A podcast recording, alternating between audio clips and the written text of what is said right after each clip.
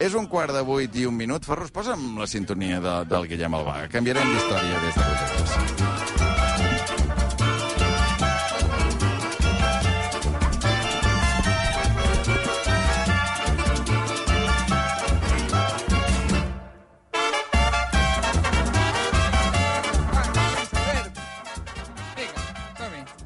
Ahí está, dale. Sortim o què? Sortim. Ué, a veure, estem sortint de l'Udegas ara? Estem sortint, sí. Perfecte. A veure, deixa'm saludar la Maria, perquè, clar, hem pensat fa estona. Maria, que ets aquí? Eh, som aquí, sí, sí, sí. Dic, dic som aquí perquè no estic pas sola, eh? Estem, estem aquí a l'estudi de rac perquè veniu, no? O no veniu? Sí, sí que vindrem, però vindrem amb la calma, eh? No, és que ara ens ha, ens ha agradat això de fer ràdio des de fora. I què fareu? Passejareu una estona abans de tornar a rac Anirem tornant, però sense cap pressa. Amb qui estàs aquí, a veure? Doncs jo estic amb dues dones que jo diria que són la barreja perfecta entre ser vicioses i ser formals. Uh, I surten la, les dones 10, la Carol Saliner i l'Ester Pujol. Bona tarda. Bona tarda. Hola. Jo sóc la eh, formal. Tu ets la formal. Sí, clar, no? No hi estàs conforme amb aquest terme? Deixem que totes dues som la barreja de les dues Això, coses. això. Sí. Avui, a més a més, eh, ha passat una cosa, Albert i Guillem, que anem vestides de colors llampants les tres. La- L'Ester va amb un verd gespa així molt potent, la Carol va amb el color de moda que és el fúcsia i jo amb un groc que, com que no he pujat a l'escenari de l'Uz de Gas, eh, no porta mala sort. O sigui que avui venim ben colorides, totes tres. Fantàstic. Doncs escolta'm, d'aquí una estona serem aquí. De moment ja hem sortit a, a fora de Luz de Gas. Hem sortit aquí al carrer Montaner. Uh, a veure, Guillem, Digue'm. avui és un dia especial perquè toca el Tomeu Penya, Sí, però per tu és un dia molt especial perquè avui, 9 de març de 2023, surt el teu primer llibre. molt fort. Sembla que el dir primer llibre hagi com de fer-ne un segon, no? Com el primer, com potser el primer i últim. Però he fet un llibre molt fort. Bueno, l'he fet i s'ha publicat. Vull dir, sobre una, una editorial, escolta'm, uh, La Campana. I sobre per La Campana, molt fort. I surt avui, no sé, estic nerviós. Clar, surt avui... Eh, clar, no sé, tu, tu has fet una cosa, que és anar a llibreries avui ja, a veure si ja hi era, si estava ben col·locat, si s'havia venut algun...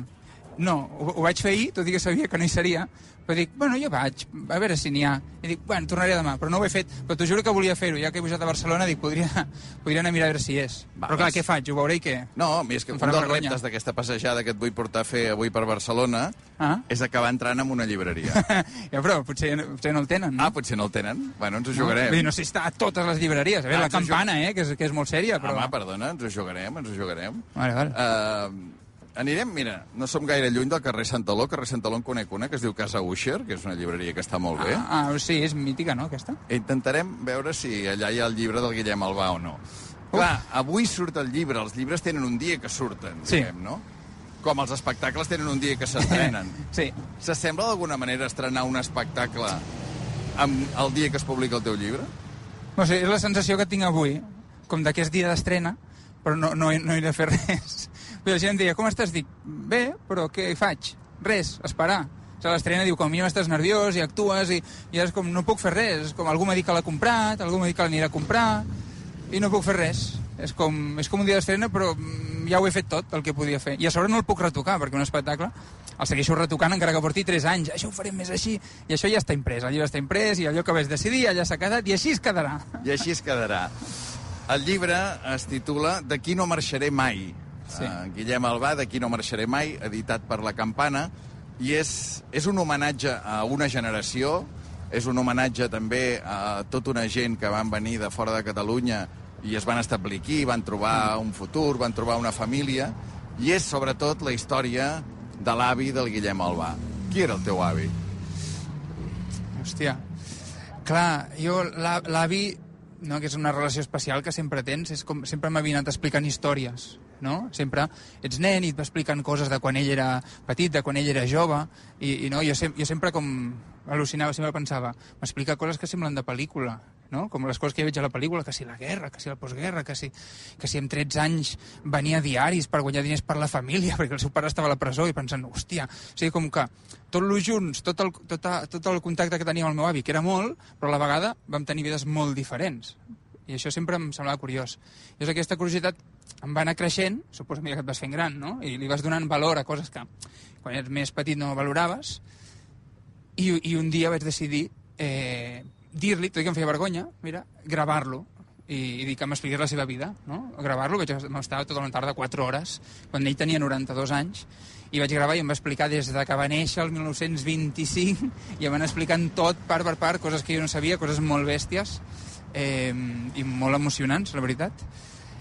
I, i, i a partir d'aquí, doncs, bueno, després ja quan va morir, amb 96 anys, ara farà un parell d'anys, va ser quan va començar a néixer la idea de m'agradaria explicar la seva història. Clar, sentir la veu d'una persona que no hi és és una cosa molt, molt emocionant, no? Eh, gràcies a que el Guillem va gravar el seu avi, eh, podem, els que no el vam conèixer, diguem, mm. podem recuperar la veu del Pedro Jiménez, no? que Sí, és sí. com es deia el, el teu avi, que va morir amb 96 anys. Per tant, aquesta veu que sentirem ara del teu avi, quants anys tenia aquí? 92. És que és espectacular. Quatre anys abans de, de que morís. Jo sempre pensava, l'he de gravar, l'he de gravar, i, i pensava, faré tard, faré tard, no? tenia aquesta por. I al final, hòstia, encara viure quatre anys més, tu.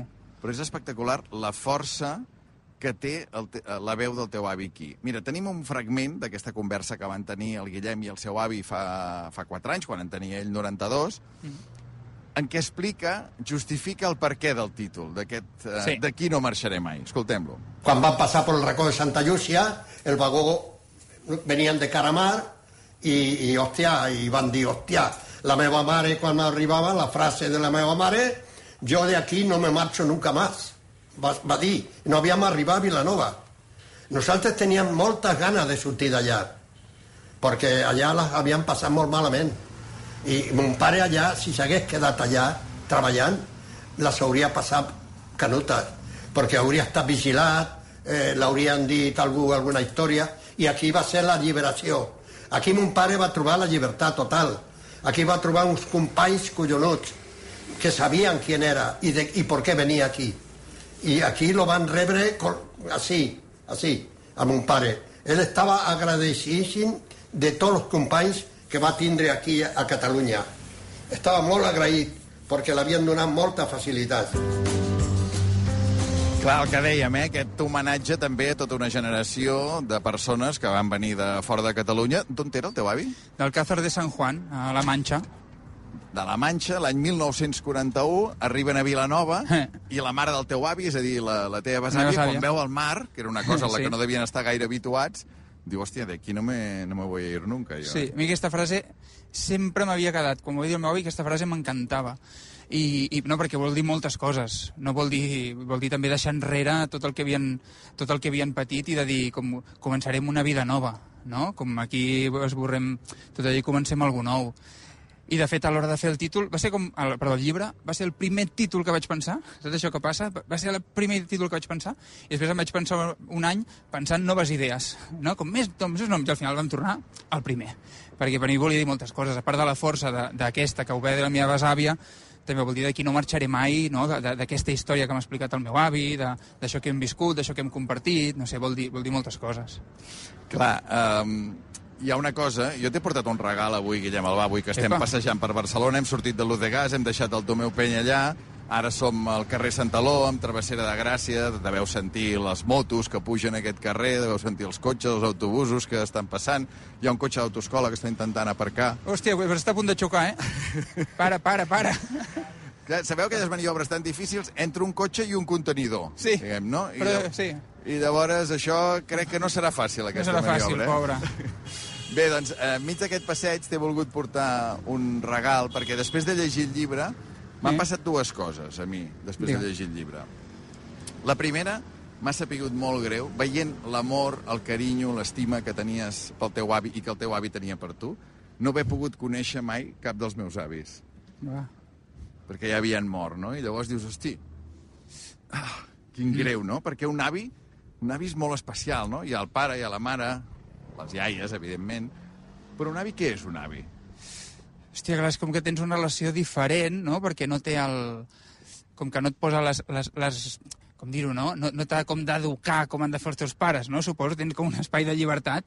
Jo, jo sempre he pensat, m'agradaria primer ser avi abans que ser pare no? perquè és com més lliure, el pare, escolta, m'ha d'educar, de fer seguir unes regles, i l'avi diu, escolta, que et porto el tibidabo, vinga.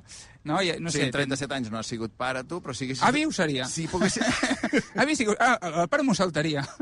Però de ser avi, eh, avi ho seria. Clar, perquè tens menys responsabilitat i, en canvi, tens més la possibilitat de mimar els nets, no? Bueno, jo hi vaig conviure, hi vaig conviure molt amb, amb, amb els avis per part de mare, per part de pare no tant perquè jo era més petit quan van morir, vaig tenir menys relació, i per part de mare hi vaig tenir molta relació, perquè quan els meus pares eh, bueno, es dediquen a, a actuar i anaven a actuar, doncs cada cap de setmana segur que jo anava a l'escola no? i que actuaven i jo em quedava a casa d'ells. I llavors quedar-me allà al cap de setmana, a casa dels avis, eh, no? i vaig tenir molta relació, em venien a buscar a l'escola, eh, vull dir, molta relació quan era petit. Mm -hmm. uh, clar, ara, ara, pensa, ara he vist que el, el Ferrus ens ha posat música de fons, perquè clar, hem girat aquí, estàvem pujant per Santa hi ha molt Sí, trànsit, sí. llavors hem agafat el carrer Bení, que és un carrer més tranquil. tranquil·let, més tranquil·let. Eh, més tranquil per, per anar fent ràdio, aquesta ràdio en directe, a peu pel carrer, i la ràdio és molt important també en aquest llibre, va ser molt important pel teu avi, en moments diferents, però expliques, per exemple, quan el teu avi et diu que la primera ràdio va entrar a casa seva l'any 1934, que ell tenia 9 anys. clar, clar. És que és molt bèstia. La, la, el, a mi el que, el que, aquest viatge que he fet escrivint el llibre, em flipa això, com totes les diferències eh, que, que he tingut amb el meu avi, no? O sigui, el connectats que estàvem i a la vegada tantes coses diferents que hem tingut, no?, de moments de vida. Com ell això, la ràdio, com sé, com una cosa molt nova, i en canvi jo ja ho he viscut com una cosa molt propera, no? La velocitat, que ell trigués un dia i mig per arribar a Vilanova des del Càzar, que jo hi arribi en 6 hores... Tots aquests canvis em semblen, em semblen brutals, i és el que jugo molt amb el llibre, també. Ell et va poder escoltar, Guillem Albà, el teu avi, Clar. quan, quan ja feies, eh, començaves a fer cançons barrejades Clar. i seccions a Islàndia, sí? Sí, de fet... Era de un fet, oient, fidel. Sí, sí, sí. De fet, jo sempre havia fet ràdio, eh, havia fet coses i ell sempre... Eh, o sigui, també actuar era com el seu hobby gran, no? Mai s'hi havia pogut dedicar, segur que per les circumstàncies, evidentment, de vida que va tenir, molt diferents de les meves, i no va poder, no? Jo li vaig preguntar, li vaig dir, què, què hauria sigut tu de gran? I em va dir, actor. I això no m'ho esperava, així com, com? I vaig entendre que aquesta relació que tenim, que teníem, era molt... Bueno, si em preguntava com havia anat l'actuació, com havien anat els assajos, no? I la ràdio, quan vaig començar a fer ràdio amb, amb tu, no? doncs cada dia a l'anada, tornada, ens trucàvem pel cotxe 45 minuts i em deia i com havia anat el programa i què li havia semblat i no sé què, no? I, i, i va ser, com, va ser l'úl- l'últim mig any de vida, de fet, seva, que, que es va convertir en un ritual de que sempre que tornava d'Islàndia ens trucàvem i, i, i ho comentàvem. Deia que això era una de les coses que, que m'havia quedat clares de gent al llibre, no? Aquest, aquestes ganes d'haver tingut un avi, aquest amor, aquesta relació tan especial entre un avi i un net, que quedarà reflectida en aquest llibre, de qui no marxaré mai, del Guillem Albà. I l'altra cosa que m'ha quedat clara és que avui et havia de portar un regal, que el tinc aquí a la mà, Home! fa estona que vaig, passe que vaig passejant una paperina, que és una paperina de xurros, mira, eh? Quan és en punt, i mig en punt, obre la paperina... Estic obrint la paperina de A xurros. veure, a veure, quin olor? A veure què l'olor. Uh, bueno, molt bé, un xurros. Agafa'n un, va. Un xurros, m'encanta. Jo No, no, n'agafaré no. un altre. I et va venir ganes de menjar xurros, Què? llegint el llibre? moltes ganes de menjar xurros, perquè he vist que um, aquí fèieu un trio, pràcticament, que Sí. era el teu avi Pedro, Guillem Albà i els xurros. Sí, i el meu besavi, que jo això no ho sabia, no? que també veu que li agraden els xurros.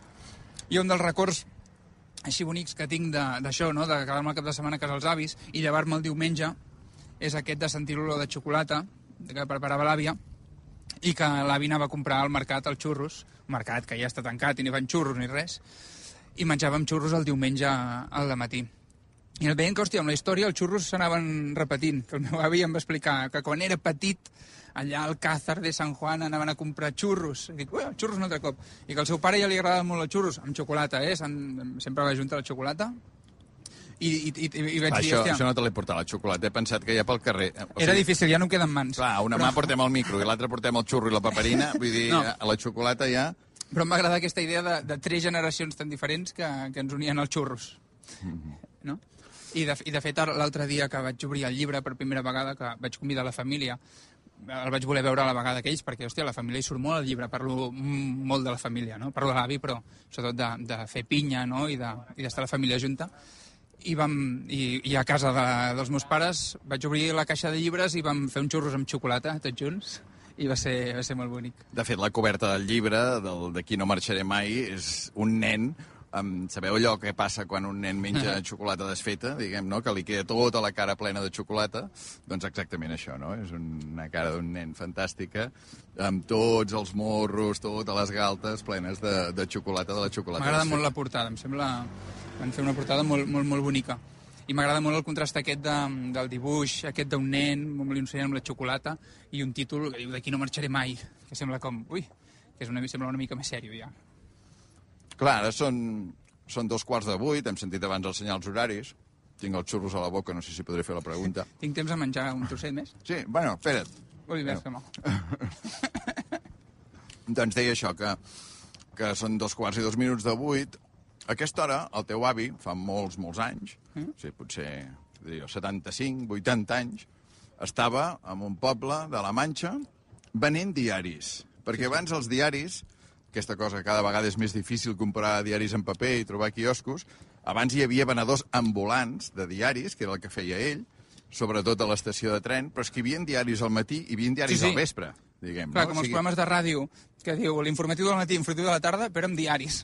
Clar, s'havia d'actualitzar d'alguna manera la Què ha informació. passat? Què ha passat diguem, al matí, no? Què ha passat al I matí? llavors, a primera hora de la tarda, sortien, sortien diaris. Llavors, ell es podia passar tot el dia a l'estació, sobretot, expliques, i anaven en diaris, entrant a dins els trens i venent els diaris de tothom que trobava. Sí, no? i de fet fent qualsevol cosa on pogués guanyar una pesseta, eh? També, si era mm, donar un glob d'aigua, no?, amb un botijo, i, doncs vinga, una pesseta més. Si podia vendre no sé què, doncs, clar, això amb 13 anys, per exemple, amb 13 anys, que el seu pare l'havien posat a la presó, per rojo, aquestes coses, no? Per què? Per rojo. No sé, i, I no se sap, això, vull dir, tampoc, perquè sí. Eh, I la seva mare, que, que no tenia feina, amb, amb, bueno, tenia feina a casa amb dues filles molt petites. I ell, amb 13 anys, de cop intentant fer diners per la família. Penso, uau. I mm, anant pel carrer de, de matí a nit i molts dies que es quedava a la nit a dormir a l'estació i li deia a la seva mare, esta noche no vendré. Ah, vale. I es quedava a dormir a l'estació perquè així l'endemà a les 6 del matí ja començava a vendre diaris els, els primers trens que venien. Aquest és un altre escenari molt important al llibre del Guillem Albà, que són les estacions de tren, mm. perquè el teu besavi, o sigui, és a dir, el pare del protagonista del llibre, era ferroviari, diguem, Sí, no? sí. Per tant, ell era maquinista, diguem, Era portava maquinista, clar, màquines de, de, de carbó, com les que havia vist a les pel·lícules. trens. Va, us heu d'imaginar això, doncs, això, el seu besavi, que portava trens, i, de fet, després de sortir de la presó, no?, quan dius, on dius que el van posar per rojo, l'envien a Vilanova com a càstig, diguem, no? Sí, sí, i com el podríem haver enviat a... Vés a saber, de cop i senta per primer cop a la vida Vilanova i la Geltrú. No? I com a càstig, perquè... No sabien ni on era, però havien No. de marxar l'endemà. Sabien que, era, sabien que era Catalunya i, i inclús, que això em sembla molt curiós, el meu besavi i el seu pare escoltaven eh, alguns discursos del Macià, o havien sentit parlar català, no l'entenien però l'escoltaven. Clar que era de Vilanova. Mira, quines coses de la vida, escolta. Eh, Clar, és que m'ha vingut, no? sí, sí, sí, m'ha sí. vingut l'estàtua de Francesc Macià. Allà a la que- Rambla, que ha a la Rambla, sí, sí. sí, sí, sí. I, I de cop els envien a... Bueno, això com a càstig. Sí, et tornem a agafar a la Renfe, però ara, escolta'm, ara en tenies a Vilanova.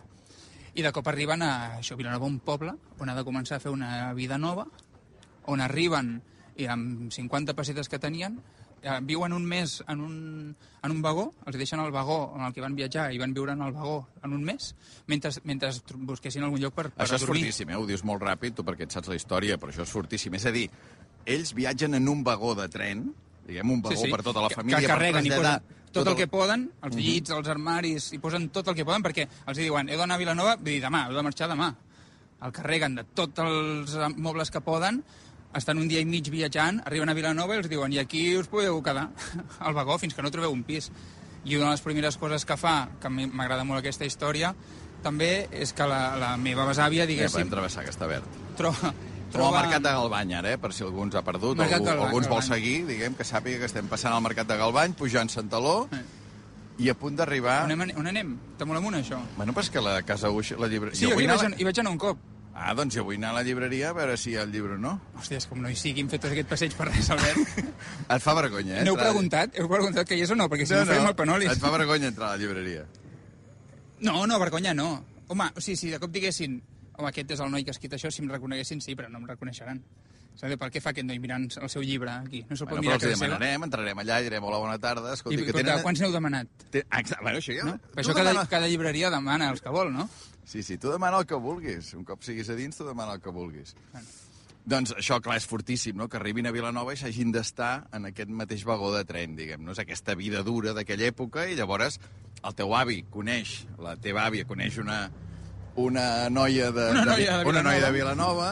En fi, moltes casualitats, diguem, no?, que porten la vida de l'avi fins a el Guillem Albà, que tots coneixeu. Llavors, tot això, tota aquesta vida de l'avi, que aquesta connexió teatral que teniu, això és atzar? Diguem, és una suma de casualitats? O hi ha un moment del llibre que tu dius això pot ser destí, també, no?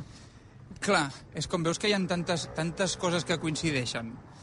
I, ta, i ta, clar, és que semblen moltes casualitats, no? Cada cop anar a parar a Vilanova, cada cop, o sigui, no sé, moltes, com moltes coincidències. I també moltes coses que, que, que, que van passar, per exemple, de, això, no? Del meu besavi a la presó, eh, bueno, i el deixen sortir, molta gent el van matar, escolta'm, vull dir, com per què ha tingut, no? Perquè ho mires tot cap endarrere i dius, com hem arribat aquí? Com hem arribat tot això? De fet, la meva mare va decidir dedicar-se també al teatre, això que el, que el meu avi ja li agradava i mai s'havia pogut dedicar. No? Bé, per tant, ja ve de, no sé, moltes generacions. Jo, la, la, una de les coses que, que en, en el llibre també jugo és haver anat allà al poble, no? al Cafè de Sant Juan, conèixer-ho, i les, la sensació que vaig tenir de, de descobrir coses que no sabia, moltes coses que, que, que, que vaig descobrir, i de cop sentir per primer cop que estava trepitjant el mateix terra. Això mai ho havia pensat. Em va passar allà. Em va passar de dir, aquesta botiga ja hi era, diu que és del 1925, ja hi era quan el meu avi vivia, i per tant el, el- la va trepitjar, ho sé per coses de la història, el meu besavi també, i no sé, de cop li vaig donar valor i vaig pensar, que fort, no? I vaig entendre aquestes coses del terra ara que estem trepitjant i, hòstia, no sé què va passar aquí ara mateix on estem. Aquest... No, hi, hi ha un moment que, mira, ara som al número 69, sí. davant del número 69 del carrer Santaló, està passant un autobús en aquest moment, hi ha dues, caixer. una noia i una senyora que estan traient diners del caixer automàtic. Aquí ara hi ha una oficina de la caixa, Sí. però ara hi és i ara no hi és. Tu dius al llibre que t'agradaria tenir una aplicació Sí. on tu poguessis passar per un lloc i saber tot el que ha passat en aquell lloc. diguem. Quines històries hi han passat? Però què, què podria haver passat aquí, al número 69 de Santaló? Imagina d'aquí potser fa anys que hi hagués una discoteca, no, que hi hagués un teatre, que hi hagués, o no sé, o que m'encantaria que digués el Josep i la Marta mm, van viure aquí, van tenir el seu primer fill, que, saps? Que et digués inclús qui ha viscut, què, què hi ha passat, Clar, a cada potser- cantonada. Digues, què va passar aquí? Aquí un dia li va, el van atracar, aquí un dia va caure una bomba, fa 40 anys, hòstia. No? Com... Clar, clar, potser en aquest bloc hi va haver un assassinat, que no Sí, sabem, fa molts anys. això seria increïble, aquesta aplicació. No hi és, eh? No hi és, eh? No, aquesta aplicació, si algú la vol, algú la vol inventar. Doncs continuem pujant, perquè ara sí que ja el tinc nerviós, perquè ja va aixecant la mirada. On està això? Sant Eloi Montre- Estem a Una 20 cantonada, passes? no? No, 20 no, passes. no, no, és aquesta mateixa cantonada. De Ah, fet, se li porto el xurro la mà, que els hi tacaré el, el, el, el llibre. Posa-la aquí dins, si Espera. vols. Posa-la dins la paperina. Espera, espera. A veure, té. A veure, que, que anem amb l'Eva Catal. Eva, Ah, aquesta, sí, és molt maca, aquesta. Home, és, És molt maca. la casa Usher. Molt maca. Entro jo primer o entres tu? Què fem? No, entrem, Bueno, tots entrem. dos anem bastant lligats. Anem diguem, lligats per uns cables. Però, Jo ja estic mirant fa estona, eh? a veure... Hòstia. Entrem, eh? Sí? Sí, no el veig, Albert. No el veus? Des d'aquí no. És que n'hi ha molts, eh? Dir... Hi ha molts llibres, Hola, eh? bona tarda.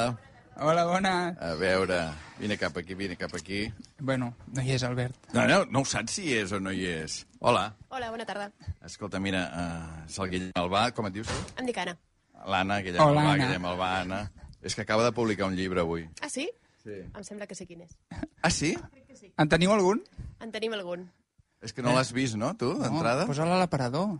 No tenim aparador, tenim una porta molt antiga, però el nostre aparador és això. I Ah. aquí el veus. Hòstia, hòstia, mira, mira, mira. Home, Està aquí, a sobre d'un d'un- Home. d'un pedestal. sí, clar, perquè... Però, però clar, és que això impressiona molt, entrar en una llibreria el dia que publiques un llibre, no? Perquè... Hòstia, és que hi ha Clar, tants llibres. et faré una pregunta que suposo que és impossible contestar, no? O, o, o potser en teniu alguna idea. Quants llibres teniu ara mateix a la venda aquí? Ho sabries dir? Nosaltres normalment en tenim uns 9.000. El que passa que Què? ara que ja estem preparant Sant Jordi, doncs ens hem anat una mica més amunt. Hòstia. Com, Fort, no, com hem de triar el teu entre Exacte. 9.000? O sigui, entra una persona en una llibreria, hi ha 9.000 llibres, Fill, I- agafaré aquest. I diu, agafaré aquest. Has Home, de triar aquest, justament? home, jo per la portada l'agafaria, eh? em sap greu, vull dir que la portada no l'he fet jo, vull dir, no, vull dir, he opinat, he opinat, però la portada em sembla maca. O sigui, jo sempre pensava, jo, jo he triat, he comprat molts llibres jo, més que n'he llegit, crec. això és una cosa que li passa a molta gent. Diu, no això paro de està comprar bé, llibres. Això està bé, Anna, no? Però, o sigui, Sobrevivim així, de gent que compra llibres i després potser Clar. no els llegeix. No, no tens temps? sí, tu- creus que sí, eh? que, que hi ha gent que compra més dels que pot llegir? A nosaltres Sí. ens ho diuen moltes vegades, que a la tauleta de nit hi ha més no llegits que els que s'han acabat llegint. Sí, perquè jo entro per entrar a una llibreria i dic... I molts llibres, és així, l'he comprat per la portada, sap greu, pel títol i per com comença. La primera, primer paràgraf. Clar, us hi trobeu, Anna? Aquesta és una llibreria, diguem, relativament petita, preciosa, que està aquí al carrer Santaló. Et trobes amb autors que una mica més discretament que nosaltres, perquè avui anem amb els micros, autors que entren, no diuen res, tu l'has reconegut, I dius, potser mira- van mirant, si és... A vegades sí, Sí, no? i a vegades són menys discrets i et demanen d'on està el seu llibre i aquestes coses. I el posen, i, i, i veus que el posa com davant, no? Això no com... els hi deixem fer, però sí que ho intenten. Jo, Poden jo ho he arribar a pensat. renyar si no hi és el llibre, diguem, no? Això no Veus- ens ho deixem fer. Veus que entra el, el Sánchez Pinyol amb ulleres de sol com la la la... Clar, més, ho deies tu abans, Anna, no? però ara és un moment, diguem, més prime time de les llibreries, queda una mica més d'un mes per Sant Jordi. Això vol dir que són dies que arriben moltíssimes novetats. Ara els veiem molt ben posats, aquí, el llibre, però, però clar, deu estar ple de caixes allà darrere, no? Sí, arriben moltes coses, moltes coses que només són per Sant Jordi i després potser acaben o caduquen, i alguns que nosaltres apostem i potser altres llibreries no tenen, així que ens carreguem, ens carreguem i ens carreguem pel 23. Tot el que arriba en una llibreria ho heu demanat vosaltres o no té per què? Aquí a casa tot el que arriba ho fem nosaltres comercial perquè els hi faci les novetats o um, alguna cosa així, algun pacte que arriben. Nosaltres no. Sigui, dius, aquest posa'm en 20, aquest posa'm en 2, aquest posa'm en... Bé, posa'm en 2, posa'm en 3. bueno, està bé, està bé, està bé. Molt bé, Mira, doncs escolta'm. aquí està. Aquí està, el deixem aquí, no? Deixem-lo aquí. O Si vols algú- comprar, perquè sembli... Uh, s'està s'està No, escoltant més si se'ls cabrà, més si tenen dos i se'ls hi- i se'ls acabo. Exacte, va, més que No, no, no. aquí. Anna, moltíssimes gràcies i, i bon Sant Jordi. Moltes gràcies, igualment, Guillem. Merci, Anna. Ja ho veus com hi era. Bueno, espero que haguéssiu trucat per, per assegurar-vos-en, perquè si no... A veure, una cosa que ara que esteu sortint aquí de la, de la llibreria, ara estàvem escoltant-vos, es veu que hi ha un concepte, deies, a Esther, per definir això de la gent que, que crec que tots ho fem, eh, que comprem més llibres dels que acabem llegint. Sí, es diu tsundoku i és un, uh, Anda. un, un concepte que és uh, acumular llibres que et fan il·lusió de llegir sabent, ja sabent-ho quan els acumules, que difícilment trobaràs el temps. Però bueno, tu ho vas provant. Jo tinc una pila, eh? Tinc, bueno, de fet, tinc tres piles que a casa m'han dit potser que les posem en una, a la prestatgeria. Però bueno, demà me la miraré una mica. No donem l'abast. Tsundoku es diu. Sundoku. Ah, havia entès Son Goku. No, Son Goku. Ni Sudoku, Son Goku també. ni Sudoku ni Son Goku. Sí, sí. Bueno, una barreja entre, entre Sudoku i, so, i Son Goku. Exacte. Perfecte. Perfecte, perfecte. No, no, escolta, la llibretera molt sincera. Molt, molt, Molt molt, sincera. Molt, molt. Molt sincera. M'ha fet cosa preguntar-li quants n'havia demanat del, dels meus. Vols que tornem a entrar? No, em fa vergonya. Home, però Em fa vergonya. Què més vols, Guillem? Vull dir, ja hi era, el No, llibre. clar, però, Ah, però és, és que no tinc... O sigui, que jo pensa, és el meu primer llibre i estic descobrint moltes coses que vosaltres sabeu de sobres, perquè porteu molts anys aquesta vida, però que, que estic descobrint moltes coses d'aquest món, que està sent molt bonic, la veritat. Mhm. A veure, Guillem, uh, anem acabant ja aquest recorregut, perquè jo hauré de tornar a la ràdio, tinc les... T'acompanyo, què va? Tinc la Ara, Maria. T'acompanyo, què vas cap aquí? Jo tinc el cotxe allà. On tens el cotxe, tu? A, a davant de la ràdio, al, al costat. Bueno, escolta'm, això, d'aquí no marxaré mai, el llibre del Guillem Albà, aquest homenatge al seu avi, aquest homenatge a aquesta generació que va néixer abans de la guerra, que va, que va viure com un nen eh, la guerra, després la postguerra, eh, que va haver de venir cap a, cap a Catalunya, que aquí ha fet una, una nova vida. Després d'haver escrit el llibre, de totes aquestes converses amb l'avi, tu què n'has après d'ell? Uau. Clar, ha sigut, ha sigut un, un, un viatge molt, molt, molt bonic de fer, diguéssim, perquè primer jo l'havia gravat, diguéssim, no? Eh, I llavors aquí, a l'explicar-me ell tota la història, ja va ser com un viatge. Llavors després, escrivint el llibre, ha sigut tot un any viatjant, tornant a escoltar això, de fet m'hi vaig posar, o sigui, va morir i al cap de dos dies vaig començar a escoltar-lo, no sé per què. Va ser com, eh, l'escolto, ara. Saps? El tinc gravat en vídeo, és veritat que no em vaig atrevir a, a mirar la imatge, però escoltar-lo sí. Per tant, escoltar-lo va ser tal. I després, eh, també he escrit a, a partir dels records de la meva mare, dels meus tiets, no? I, i, i, i, i he anat aprenent moltes coses i, i sé que no sóc prou conscient de tot el que m'ha ensenyat encara. Sí que he anat veient moltes, encara més coses que teníem en comú, a part d'aquesta cosa artística, no? que dic, ah, deu venir d'aquí, això. Aquesta manera de, de prendre's la vida mm, tot lo positiu que puguis, no? de trobar al, costat bo d'aquesta aquesta força que tenia en 92, que espero jo tenir-ne també quan tingui 92, d'aquestes ganes de, de, de viure, de, de prendre's les coses, de, de disfrutar la vida, i, i també de com, de com es prenia la, la mort, també. Mira, parlant de la mort, podem tornar a sentir uh, l'avi, l'últim fragment que sentirem de l'avi de, del Guillem Albà, parlant precisament, que em sembla que li preguntaves Uf, això, eh? això- perquè aquesta és, aquesta, aquesta, és la gran cuidao. por, no de l'avi, sinó del Guillem Albà, Sí, que és clar. què passa amb la mort. I això deia el seu avi, Pedro Jiménez. I ara, ara hi ha algú que, que et fa por? ¿Por? No. Ni, mu- ni morirse tampoco, no. No, porque eh, eh, eso pienso que es con que si diese, hostia, me ha tocado a mí. No. A Tokiski le toca. Oye, que es una cosa natural. Y, y si tens 40, 50, mm, hasta 60 años, sí que pots tenir por a morir, porque, hostia, encara tinc força. Però ara ja, quan arriba aquesta edat, dius, bueno, el dia que arribi, que sigui, que sigui tranquil. El dia que arribi que sigui tranquil, i això també és una cosa que es veu en el llibre després, que no només et va ensenyar quina, quina era la seva vida, com havia sigut la, la seva vida i la de tanta gent en aquell moment, sinó que també et va ensenyar d'alguna manera a com te'n pots anar de- d'aquest món. Guillem, uh, dissabte a Vilanova. Dissabte, Home! avui, avui surt el llibre, però dissabte es Ja. presenta amb un teatre, diguem, ajuntant una Clar. mica... Sí, sí, fem la presentació oficial del llibre Vilanova, que per mi que és bonic fer-lo Vilanova, la presentació al teatre principal, que és com, no? I amb tu, Albert, escolta'm, aquí unim moltes coses. Tinc moltes ganes. Vull dir, la meva primera presentació del llibre de la meva vida, eh, fer-ho al teatre, a Vilanova, amb tota la família, amb tota la gent... Eh, sí, no sé, moltes ganes. Doncs ens ho passarem molt bé, si algú vol venir ja ho sap, dissabte gratuït, 12, obert, 12 tothom. del migdia, Teatre Principal de Vilanova i la Geltrú. Celebrarem la sortida la sortida d'aquest llibre preciós que ha escrit el Guillem, que es diu D'aquí no marxaré mai, que és l'homenatge al, al seu avi. Són tres quarts de vuit i tres minuts, farem una pausa. Nosaltres anem tornant cap a la ràdio, deixarem el Guillem Albà que agafi el seu cotxe. Que torno a Vilanova, eh? Tornes a Vilanova. Ja t'espero ja per dissabte. Sí, si vols fer algun recorregut més per llibreries tu mateix. I jo tornaré cap a la ràdio, que tinc ganes de saludar la Maria i saludar també avui les dones 10, eh? ja ho sabeu, Carol Saliner i Esther Pujol. D'aquí un moment, ara tornem.